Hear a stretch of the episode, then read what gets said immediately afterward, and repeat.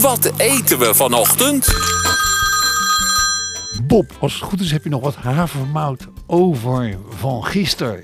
Ik zou zeggen, wat wordt de opdracht?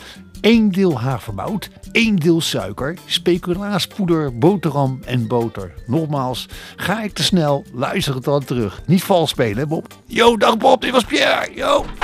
Ik ben weer aangekomen in de Bob staat opkeuken. Pierre, dankjewel voor dit uh, vrijdagontbijtje.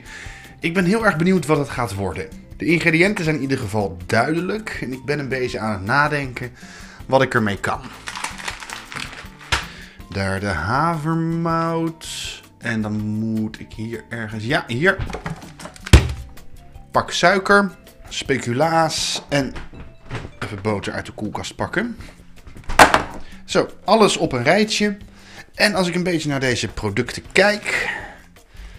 Ja, denk ik al wel een beetje dat ik het zie. Uh, die boterham, die moet belegd worden. En ik denk met alle drie deze ingrediënten. Dus dat, dat ga ik dan maar doen. Ik vind het lekker als het boterhammetje dan geroosterd is. Dus die ga ik heel eventjes in de broodrooster doen.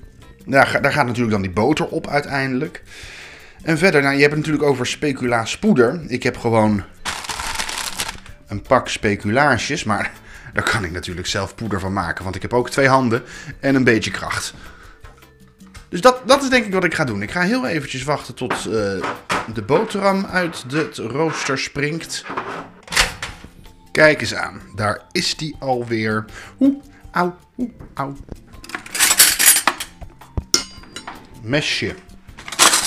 En een lepel. En ik begin met de boter lekker snel boter op dat brood. En dat vind ik altijd lekker. Als een boterham net geroosterd is, dat de boter dan een beetje smelt. Omdat het natuurlijk op een, op een warme boterham komt.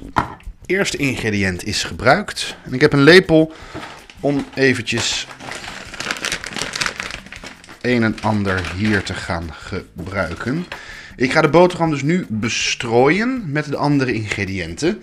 En, en zo creëer ik dus eigenlijk mijn eigen havermouterslag. Havermout, hagelslag.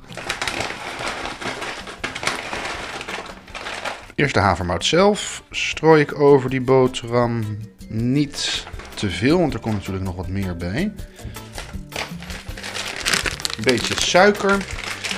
Uit, zo'n, uit een zak. Ik ga daar met de lepel in. Niet te veel suiker. Ja, dit is ook wel echt, dit is echt echte suiker, hè? Dit is niet zomaar uh, poedersuiker of zo ook op die boterham. Mooi verdelen door elkaar heen. En dan tot slot, nou ja, Pierre had zei speculaas poeder. Ik heb dat dus niet, maar ik heb wel speculaas. En dat kan ik gaan breken en een beetje zo boven die boterham gaan hangen. En daar dan uh, poeder van maken. Gewoon in heel veel kleine stukjes breken. En, en daar moet je wel wat kracht voor hebben. Zodat er hele kleine kruimels van die speculaas op die boterham bij die havermout en die suiker komen. En dan, even mijn handen. Er wordt natuurlijk lekker vies ervan. Het is lekker een rotzootje geworden hier in de Bobstad op keuken. Maar het is er wel. De havermout hagelslag boterham met speculaas en suiker. Tijd voor om te proeven.